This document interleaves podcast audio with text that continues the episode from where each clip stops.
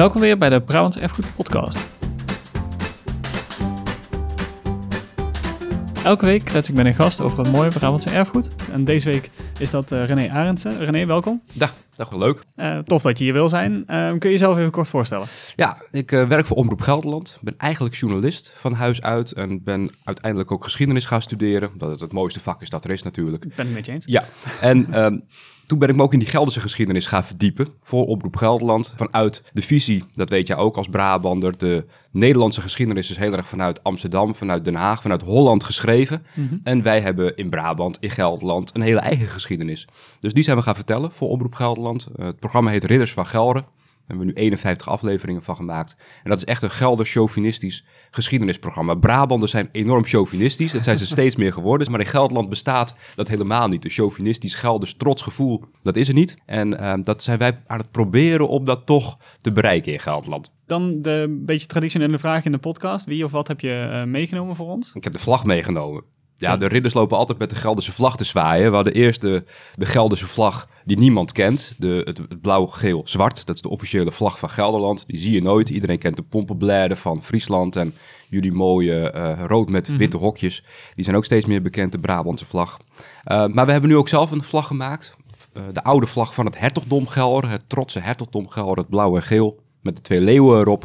Dus ik denk, die, die neem ik gewoon mee. En dan ga ik mee zwaaien op de, op de markt in Den Bosch. Ik wilde zeggen, en daarmee hebben ze hier het Brabantse ingelaten, toch wel? Of heb je hem uh, stiekem een beetje verborgen? En, nee, nee, ik laat hem trots zien. Nee, ik laat hem gewoon trots zien. Ik laat hem gewoon... Dus zometeen ga ik hem ophangen aan de, aan de Sint-Jan. Dat lijkt me wel mooi. dat lijkt me een, een interessant beeld, op zijn minst. Ja, dat wat Maarten van Rossum niet gelukt is in 1542, dat, uh, dat is uiteindelijk 500 jaar later toch nog goed gekomen. Toch nog Alleen, goed gekomen dankzij de NS. Ja, ja, zeker. Ja. En met minder doden en gevonden. Dat is ja, dat, dat, precies, dat, dat is ook wel sympathiek van je. Ja, ik kan er excuses voor aanbieden nu tussen alle nou ja, alle gewelddadigheden die er tussen ons hebben plaatsgevonden, tussen Gelderland en Brabant, en zeker vanwege Maarten van Rossum. Maar daar komen we misschien nog wel op. Ja, hoe, hoe zou jij die, ehm, de historische relatie tussen Brabant en, en, Gelderland omschrijven? Want het zijn, zoals je zegt, tegelijkertijd is er een heel bijna randstadcentrisch beeld van geschiedenis, uh, wat heel veel mensen kennen. En in die zin zit ze een beetje in dezelfde, nou verdomme hoekje is denk ik misschien een beetje te sterk nou, maar toch in dezelfde, in dezelfde hoek. Maar tegelijkertijd staat er, is er onderling ook wel een... Uh, Rivaliteit. geschiedenis. Ja, ja, nou rivaliteit nu denk ik niet. Ik denk dat Brabant en Gelderland heel goed met elkaar kunnen, kunnen optrekken. En dat het allebei wel hele verschillende provincies zijn. Uh, Brabant is echt een jonge provincie, uh, veel grootstedelijker mm dan Gelderland. Maar Gelderland is dan weer de grootste provincie van, uh, van het land. Ja, we kunnen samen wel echt tegenwicht bieden tegen de Randstad. Vroeger, toen waren we natuurlijk allebei een hertogdom. Ja. Gelre was het hertogdom, uh, later dan Brabant. Brabant een ouder hertogdom. En hebben we elkaar enorm veel uh, in het vaarwater gezeten. Dus daar is wel een heleboel over te vertellen. Ja, waar, waar wil je het over hebben? Wil je het over de rivaliteit hebben of... Uh... Of over de verzoening? Nou, het kan allebei, ja, denk ik. misschien eerst de rivaliteit. Ja, precies. Laten we dat doen. Dan komen we daarna bij de verzoening. Dat is misschien wel een mooie, een mooie, een mooie volgorde. Is het, zie jij een toppunt in die rivaliteit ergens ooit een keer? Ja, nou ja, er zijn, Kom je dan uh, toch weer bij Maarten van Rossum? Uh, ja, maar Maarten van Rossum is toch... Dat, dat is anders, want Maarten van Rossum streed niet tegen de Brabanders... maar streed tegen de hertog van Bourgondië. Ja. En dat is natuurlijk het grote verschil tussen Brabant en Gelderland. Gelderland heeft heel lang gevochten voor zijn zelfstandigheid... en Brabant is vrij snel al opgenomen in dat grote uh, machtscomplex van de hertogen van Bourgondië. Ja. En ja, als, als Brabant net zo standvastig had gevochten als Gelderland, dan had de Nederlandse geschiedenis er heel anders uitgezien. Dan waren we nooit in een, in een landje terechtgekomen waarin Amsterdam en Den Haag ja, de lakens uitdelen en, en het volledig voor het zeggen hebben. Maarten van Rossum is natuurlijk ontzettend interessant, maar juist daarvoor mm spelen zich allerlei, uh, zijn er allerlei momenten aan te wijzen dat Gelderland en Brabant echt oorlog met elkaar voeren. Hè? Dat kan je bijna niet voorstellen. Maar ja, ik, ik heb erover nagedacht van hoe moet je dat nou zien? Want er zijn verschillende veldslagen waar we het over zouden kunnen mhm. hebben. De slag bij Woeringen, die Brabant glansrijk wint. En waardoor Brabant ook Limburg er, eh, erbij krijgt. Want daar mhm. ging het allemaal om het, om het hertogdom Limburg. Maar daarna zijn er ook nog een paar veldslagen, vooral in de 14e eeuw, die Gelderland dan weer glansrijk weten winnen. Baasweiler, dat soort... Uh... Baasweiler, ja. ja ik, dat is ontzettend interessant. Slag bij Baas. Zullen we daar even over hebben? ja, niet omdat het nou uh, Gelderland wint. nee, nee. Gelderland nou als winnaar uit de bus komt. Maar ik heb daar over gesproken bij de voorbereidingen van de serie van Ridders van Gelder. Mhm. De slag bij Baasweiler, 1371. Niemand weet ervan. Het speelt zich af ergens in de buurt van Aken een cruciaal moment in de Nederlandse geschiedenis. Want op dat moment verliest de hertog van Brabant. De hertog van Brabant wordt dus helemaal weggevaagd van het politieke toneel. Brabant raakt enorm verzwakt. En dat is het moment dat de hertogen van Bourgondië opkomen. En dat ze uh, Vlaanderen al in bezit hebben, vervolgens ook Brabant in bezit krijgen. En dat is, uh, heeft een Duitse historicus mij verteld, dat is eigenlijk het begin van een totstandkoming van een Nederlandse staat. De slag bij Baasweiler, omdat Brabant daar zo verzwakt raakt, mm kan de hertog van Bourgondië in de decennia daarna Brabant in bezit krijgen.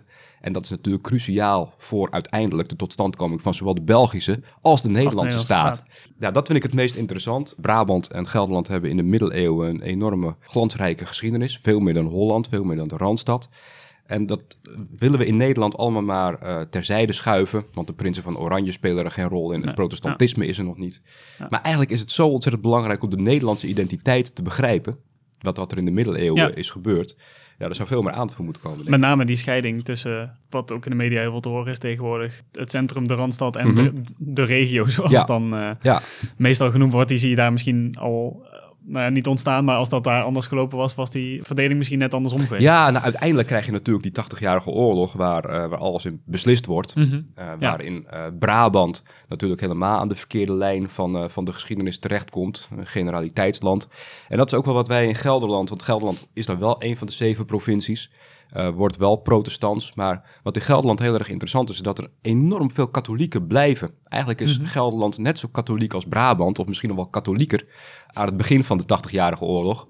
En dat, dat wordt helemaal omgedraaid, omdat Gelderland dus wel aan de kant van de, de reformatie terechtkomt. Maar eigenlijk net zo katholiek is als, uh, als Brabant. Ja, ook nu nog heb je best wel grote katholieke, of ja, overwegend traditioneel katholieke gebieden in. Ja in het Gelderland. Want Land van Maas en Waal is al misschien een heel goed voorbeeld daarvan. Terwijl aan de andere kant van de rivier kom je heel snel in vrij strenge ja, ja. protestante kringen. Ja, dat is het ehm, interessante. Heel wonderlijke scheiding door die, ja, door die rivier natuurlijk. Maar dat tegelijkertijd is ook maar een rivier, die kun je ook oversteken. Ja. Ehm, ja, aan de ene kant wel, maar de Waal is natuurlijk wel echt een hele brede rivier. Veel breder dan de Maas. Dus de invloeden tussen uh, Brabant en het land van Maas en Waal en het Rijk van Nijmegen zijn altijd veel sterker geweest dan tussen het land van Maas en Waal en de Betuwe. Ja, klopt. In een, in een vorige podcast vertelde Jos uh, Zwanenberg toevallig ook eh, over het dialect. Dat mhm. de, de, dialectgroepen rond, rond Graven, Gravenstein veel minder Brabants waren eigenlijk dan dat veel meer gericht waren naar richting Nijmegen. En heel erg dicht aanleunen bij de Nijmeegse dialecten en dan bij de, de Brabantse dialecten. Ondanks dat er een rivier tussen ligt. Ja, Graven en Ravenstein zijn natuurlijk ook heel lang kleefs geweest. Uh, dus hoorden bij, ja, echt bij, bij Duitsland, Duitse gebieden. Dus dat heeft daar ook wel heel erg, eh, heel erg sterk mee te maken. En Graven is lang Gelders geweest. Een van de mooiste voorbeelden bijvoorbeeld van Gelderse geschiedenis is in de Elisabethskerk in Graven. Mhm. Ga daar zeker een keer naartoe. Daar is een grafmonument van een Gelderse hertog. Die kwam heel erg graag in Graven. Het is een, uh, een heel mooi grafmonument, nu in Brabant. Ja, zou die er weg willen, denk je, als hij het zou weten? Nou, nee, ik denk het niet, want uiteindelijk is hij uh, nou ja, door, uh, door Gelderland min of meer verstoten als, als hertog. Mhm. Dus ik denk dat hij zoiets heeft van, nou, nu op de grens van Gelderland en Brabant is helemaal niet zo, uh, niet zo slecht. En, bovendien ligt hij nog in zijn geliefde graven. Dus wat dat betreft... Ja, nou, hij was echt heel erg geliefde graven inderdaad. Ah, dus dat is uh, ja, heel, heel mooi. Die zei hij was er geboren? nee, hij was, een, hij was een graaf van Egmond. Mm -hmm. De heer van Egmond, uiteindelijk gekozen in Gelderland door de steden en de ridders in 1418 tot de hertog van Gelre. En Graven was in die tijd een Gelderse stad, een Gelderse hofstad. Ja. En ja, om de een of andere reden had hij echt een band met graven. Ja, en is het ook echt, die, die hertog, uh, hertog Arnoud, daar hebben we het over, of Arnold, die is in Gelderland vergeten. Niemand kent hem meer, maar in Graven is het echt een van de grote figuren uit hun eigen geschiedenis. Ja, ik denk dat niemand in Graven ook zo'n mooi grafmonument heeft als deze hertog van Gelre. Het is, het is heel verrassend. Die Gelderse geschiedenis heeft heel veel verrassende kanten ja, daarvoor moet je vaak ook net de provinciegrens over. Ook regelmatig naar Brabant. We zijn, we zijn echt een paar keer in Brabant geweest, ook voor de uitzendingen van Ridders van mhm. Gelder. Natuurlijk voor deze hertog, maar ook voor uh, Maarten van Rossum. Moeten we dat toch even over hebben, over Maarten van Rossum? Als het per se moet. we hebben het al aangekondigd. Nee, graag. Ja, precies. Maarten van Rossum was de Gelderse legerleider. Gelderland heeft heel lang gestreden, 125 eh, jaar voor zijn onafhankelijkheid. Dat kan je je nu niet meer voorstellen. Dus Brabant, Holland, Vlaanderen, die waren al opgenomen uh, in de landen van de hertog van Bourgondië, later keizer Karel V. Mm En Gelderland was, de volgende, was het volgende slachtoffer. En van alle Nederlandse provincies was Gelderland een beetje het enige land op een bepaald moment, 1542, dat keizer Karel V, de machtigste vorst van de wereld, koning van Spanje, regeerde in een rijk waar de zon nooit onderging. Maar Gelderland kreeg hij er niet onder, het hertogdom Gelre. En dus dacht uh, Maarten van Rossum, we gaan naar het hart van de landen van de keizer. Het hertogdom Brabant, Antwerpen, Brussel. Brussel, Leuven. Ja, ja, precies. Ehm, en dan de eerste uh, Brabantse hoofdstad waar hij langskwam was, was Den Bosch. Dus het ging niet zozeer om de Brabanders, maar meer om dat, dat machtscentrum in, in Brussel. Om daar te laten zien wat die Gelders waard zijn. En vooral ook Antwerpen. Antwerpen was op dat moment de belangrijkste ja. handelsstad, nou, zeker van West-Europa. Dus daar heeft Maarten van Rossum uiteindelijk voor de stadspoorten gestaan. En ja, als je vanuit Gelre naar Antwerpen wil en naar Brussel, dan moet je nou eenmaal door kom Brabant. tegen en, en, de rest van Brabant. Ja, ja, dat ja, precies. Kijk, en als die Brabanders nou een beetje standvastiger zelf ook tegen die Bourgondiërs hadden gevochten, dan was dat hele gedoe van Maarten van Rossum niet nodig geweest. Want dat moet ik gewoon toegeven, Brabant is het belangrijkste gewest van Nederland en België samen. Maar laten we het vooral even over de, nog over de verzoening hebben. Ja. Als, we daar, uh, als we dat toch al aangekondigd hebben. Ja, dat is waar. Maarten Vrossen hebben we nu al besproken, Ja, toch? precies. Dat pijnlijke moment, dat uh, is ook geweest. Ja, maar goed, het was, het was dus zelfverdediging, ja, hè? Laten we dat even nee, goed, nee, nee, goed vooropstellen. Al die dorpen die hij platgebrand en zo. Ja. We, we zullen het niet nog, nog een keertje doen. Nee, dat, lijkt, dat lijkt me bijzonder sympathiek voor jullie. Verzoening. De verzoening, ja, exact. Waar zie je die voor het eerst een beetje plaatsvinden? Ja, ik weet niet of Brabant en Gelderland nu heel erg veel met elkaar, met elkaar te maken hebben. En of ze heel erg veel samenwerken, dat weet ik niet. Wat ik wel heel goed vind in Brabant, is dat er in Brabant echt iets van een, een Brabantse identiteit is Mhm. ontstaan. En daar kan Gelderland ontzettend veel van leren. Gelderland bestaat van oudsher uit vier kwartieren. Nou, het vierde kwartier, Roermond, Venlo, dat is voor een grootste deel nu Noord- en Midden-Limburg. Maar die andere drie kwartieren, Achterhoek, Veluwe en Betuwe, rivierengebied, hebben heel weinig met elkaar te maken. En daarvoor kan je zeggen, ja, dat is altijd al zo geweest en dat is ook helemaal niet erg. Maar als er toch iets van een Gelderse identiteit moet ontstaan, dan kunnen we denk ik heel goed naar Brabant kijken. Want volgens mij is een Brabantse identiteit ook niet zo heel erg sterk geweest op alle momenten. iemand uit Deurne en iemand uit Bergen op Zoom, wat hebben die dan met elkaar gemeen? Behalve dat ze allebei carnaval vieren, allebei katholiek zijn. Ja, zelfs het dialect is volgens Ja. mij totaal verschillend. Maar er is wel een hele sterke Brabantse identiteit ontstaan de afgelopen, de afgelopen 20, 30 jaar. En daar kunnen we in Gelderland heel erg veel van leren. Ja, Heb het is een beetje...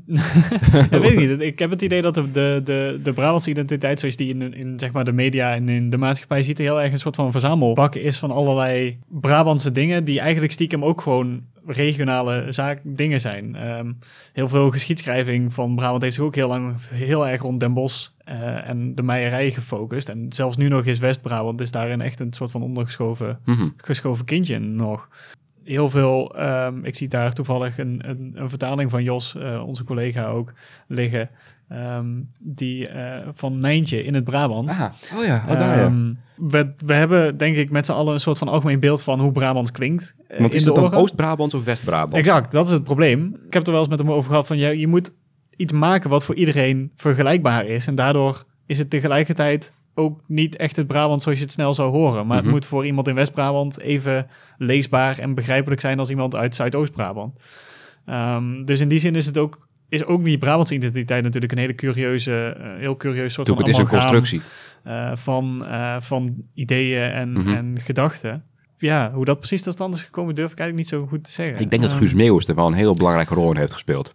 ja, het lied over wel. Brabant. Ja, dat soort, dat soort popularisering helpen eh, natuurlijk enorm. En dat heb je voor Gelderland natuurlijk ook weer minder. Nee, nee, we, we, geen Guus Meeuwis. Het is ook heel Nee, moeilijk ja. om daar, eh, om daar iets over te ook, doen. ook daar valt het een beetje uiteen in die regio's of Ja. in de steden. In Maar het valt Arn- echt Arnhem. Nijmegen. Je zegt dat helemaal ehm, niet, eh, ni- niks, niks te veel. Het, valt echt uiteen. Maar er moet wel iets van een... En we, hebben, we hebben dat gezamenlijke verhaal van het hertogdom. Dus daar zijn wij als ridders heel erg mhm. mee bezig om dat te benadrukken. Dat gezamenlijke verhaal. Één verhaal vertellen. Het, het, het zit allemaal in verhalen. Hè? We kunnen er heel moeilijk over doen. Maar één goed verhaal vertellen. Zoals de troubadours eh, in de middeleeuwen al deden. Mhm. Dat is nog steeds de kern waar je eh, een, een heleboel aan kan, eh, kan verbinden. Guus Meeuwis zou ontzettend mooi zijn. We zijn bijvoorbeeld wel bezig met een, met een stripboek. Oh ja. Dat hebben jullie in Brabant. Ik heb het ook afgekeken van, van Brabant en van Zeeland uiteindelijk. ja, ja, echt ontzettend goed om daar... het, is wel weer een manier om dat ene verhaal te vertellen in Ja. 48 stripboekpagina's. Het werkt heel goed, denk ik.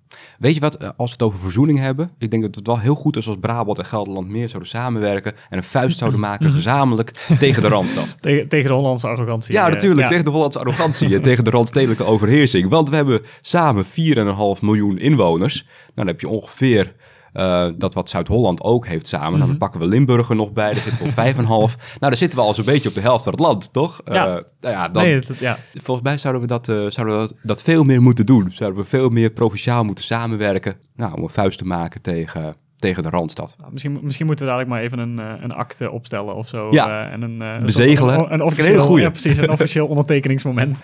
Dus in ieder geval iets moois uit deze podcast aflevering gekomen. hartelijk bedankt dat je even af wilde dalen vanuit Arnhem. ja, het was heel graag gedaan. Ga nog even een bosse bol eten en die vlag aan de, aan de Sint-Jan oh, hangen. En dan, misschien moet je, moet je dan ook, we hebben hier de, de Noord-Brabantse vlag ook voor de deur ja, dat Moet je die even meenemen? Dan in het kader van verzoening kunnen die allebei... dat vind ik wel, vind ik wel een mooi symbool. Ja, ja, lijkt me een goeie als ik er eentje mee mag nemen, dan, uh, dan gaan we samen naar de Sint-Jan. ik, ga, ik ga het zo even vragen. Uh, ja, enorm bedankt. En uh, voor de luisteraar nog. graag gedaan. Um, programmaerfgoed.nl slash podcast vind je de afleveringspagina die hierbij hoort. Een hoop linkjes naar de filmpjes van de Ridders van Gelre die met Brabant te maken hebben. Naar de enkele artikelen die we hebben over bijvoorbeeld de slag bij Baasweiler, die op onze website komen. En dan vind je ook de andere afleveringen plus linkjes naar onze Soundcloud, waar de rest van de audio te vinden is. En dan rest mij niet meer dan René nogmaals te bedanken en tot de volgende keer. Was graag gedaan. Houdoe!